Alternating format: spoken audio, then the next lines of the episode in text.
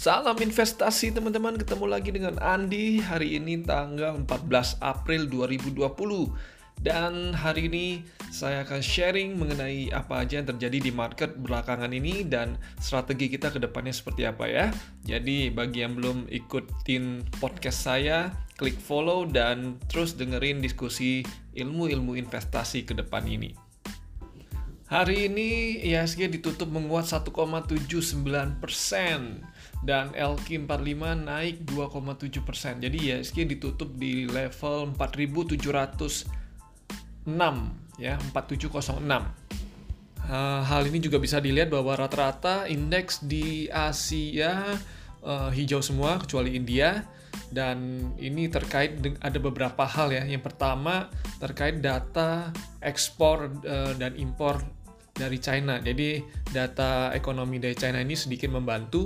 Jadi uh, ternyata pelemahannya tidak selemah yang di uh, yang diambil oleh para ekonom. Ternyata lebih baik. Melemahnya nggak sedalam yang mereka kira ya. Jadi ini memberikan angin sejuk bahwa perekonomian di China sudah mulai bergerak nih, walaupun masih pelan, uh, masih sifatnya masih minus dibandingkan uh, kuartal ataupun sebelum COVID-19 ini. Kemudian uh, yang kedua selain dari China uh, berdasarkan informasi yang terkait dengan COVID-19 ini penyebaran virus ini sepertinya sudah mulai masuk ke puncaknya khususnya uh, di di Amerika dan beberapa negara seperti Italia dan Korea Selatan. Jadi mulai uh, sepertinya data ini ke depannya uh, akan mulai menurun terkait dengan uh, penderita ataupun yang terkena dengan COVID-19. Nah ini mungkin memberikan angin segar bahwa ya uh, pandemik ini sudah mulai bisa dikontrol lah ya dengan cara lockdown ini mau nggak mau akan impact uh, terhadap perekonomiannya cuman ya sejauh ini yang concern dari pemerintah adalah membatasi penularannya COVID-19 ini. Kalau dari Indonesia sendiri uh, hari ini ada pengumuman penting dari uh, dari BI. Jadi BI menghold suku bunganya di tetap 4.5, 7 days repo rate-nya tetap di 4.5. Jadi ini tujuannya untuk um, kalau sebenarnya sih ada ruang untuk menurunkan suku bunga, tapi melihat uh, kondisi saat ini mungkin BI lebih uh, melihat bahwa kalau ingin menjaga kestabilan juga ya rupiah ya. Jadi kalau diturunin suku bunganya biasa mata uangnya sedikit melemah. Tapi karena hari ini nggak ditu- jadi diturunin di uh, di hold masih di angka 4,5, kita bisa melihat bahwa pergerakan rupiah tuh kembali menguat sedikit. Sekarang di posisi sekitar um, 15.600 sekitar 15.600-an ya teman-teman itu yang paling penting dan BI juga uh, selain meng uh, menghold suku bunga, dia memberikan kebijakan moneter juga, yaitu menurunkan giro wajib minimum sebesar um, 2% untuk yang bank umum, yang konvensional bank umum, dan um, menurunkan 50 basis, jadi 0,5 persen untuk bank syariah, bank umum syariah. Nah ini tujuannya gimana nih teman-teman? Maksudnya apa?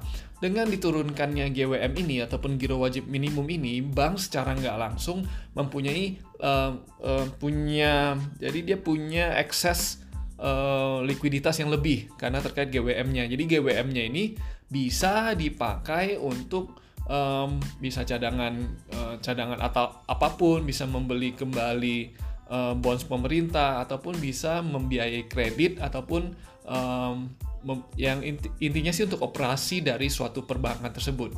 Nah, kalau dalam kondisi yang normal, biasanya penurunan giro wajib minimum itu mereka bisa sebagian eh, dipakai alokasikan untuk meningkatkan kredit. Nah, cuman kali ini karena kreditnya juga agak terbatas, penyerapannya juga terbatas, mereka juga takut kredit yang diberikan ini um, malah macet. Jadi sebagian besar mungkin mereka alokasikan untuk ke yang safety aja. Mereka bisa membeli kembali uh, surat utang negara. Dan itu terbukti kita lihat kalau teman-teman lihat uh, government bonds yang tenornya 10 tahun sekarang sudah di sekitar 7,9 persen. Jadi uh, sudah turun lah sempat di 8.2 8.3 persen. Sekarang yang 10 tahun denomin uh, apa jatuh tempo 10 tahunnya sekarang sudah di angka 7,9 persen teman-teman. Jadi dengan penguatan ini um, ke- eh, semoga ya ke depannya ini bisa eh, bisa lebih bagus lagi. Dan ini bisa menopang rupiah nih semakin banyak yang beli government bondnya kita. Dan terkait juga kebijakan eh, sudah sudah disetujui bahwa BI bisa beli langsung eh, bond yang diisu oleh pemerintah jadi kalau dulu kan BI nggak boleh tuh belinya bolehnya cuma boleh di secondary market. Nah sekarang baik yang ditawarkan uh, IPO langsung ataupun dilelang issue boleh langsung dibeli oleh BI. Ini tujuannya sih untuk menjamin likuiditas dan um, biar uh, menja menjaga juga rupiah tidak jatuh terlalu dalam ya. Jadi ini um, bagus juga sih untuk uh, mengontrol mata uang uh, rupiah kita. Um, apalagi yang penting ya? Mungkin selain itu yang penting um, prakerja mungkin secepatnya harus disalurkan ke masyarakat. Mungkin dengan 400 triliun ini sebagi ini mungkin bisa uh, sebagian dana ini bisa dibantu untuk bagi pekerja-pekerja yang sifatnya uh, sektor informal ya. Sektor informal ini butuh banget ini karena kita lihat efek lockdown ini nanti ujung-ujungnya banyak karyawan-karyawan yang akan terkena impactnya nih akan di PHK. Jadi biasanya um, satu bulan pertama belum uh, belum kelihatan biasanya mulai bulan kedua dan bulan ketiga nih kita bisa lihat uh, impactnya seperti apa dan biasanya juga um, karena mau masuk lebaran jadi biasanya kan ada THR kan ada penggunaan ekonomi uh, retail berjalan dengan bagus jadi orang-orang banyak konsumsi dan mungkin tahun ini nggak akan seperti tahun-tahun sebelumnya mereka mungkin cenderung akan uh, membeli barang-barang yang penting saja. Bahkan cenderung ada sebagian pemudik atau sebagian uh, sebagian orang tidak melakukan mudik pada nanti Lebaran nanti. Ya selain kartu prakerja, pemerintah juga memperlakukan uh, memberikan diskon uh, PLN listrik ya untuk sebagian uh, sebagian sebagian kol, uh, golongan dan kemudian juga ada uh, pemberi pemberian peringanan untuk kredit baik itu kartu kredit, uh, leasing ataupun yang per, sifatnya uh, kredit ya. Itu sih yang mem, uh, banyak membantu untuk kebijakan fiskal ataupun kebijakan di sektor realnya. Tapi kita lihat juga ya ke depannya ini um, seperti apa feedback dari capital market sejauh ini asing masih net sell dan namun pelan-pelan um, kita lihat sudah mulai masuk sedikit demi sedikit tapi hari ini masih uh, sepertinya sih net sell ya kalau kita lihat hari ini uh, asing net sell sekitar 400 miliar lebih. Makanya kita lihat saham saham-saham yang masih perform cenderung saham-saham yang uh, lebih ke sektor defensif yaitu utility, consumer dan terkait dengan uh, healthcare. Ya itu.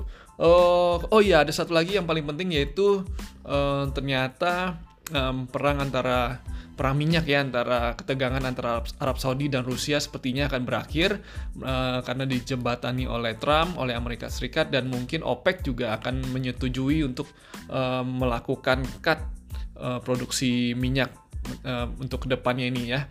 Tapi menurut saya sih ya itu nggak terlalu efek harga minyak karena sebenarnya sih demandnya yang turun jauh lebih besar dibandingkan uh, dari ketegangan ini ya itu aja sih yang ingin saya sampaikan. Ada beberapa hal. Jadi intinya adalah ke depannya volatility ini masih besar.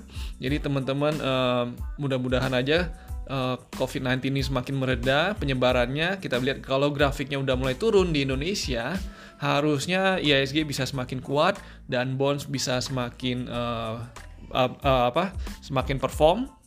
Rupiah juga bisa semakin menguat dan um, dan berikutnya menurut saya gelombang keduanya adalah ketika nanti terjadi uh, uh, setelah COVID-19 ini dapat itu ya udah ada vaksinnya wah itu market akan rally dan berikutnya akan koreksi lagi karena terkait dengan dampak ekonomi yang disebabkan oleh COVID-19 ini yaitu karena lockdown uh, per, apa terganggunya supply uh, supply chains dan uh, dan lain-lain. Ini yang akan jadi uh, black swan kedua ini yang yang kalau menurut saya ya akan terjadi dalam uh, waktu dekat ini.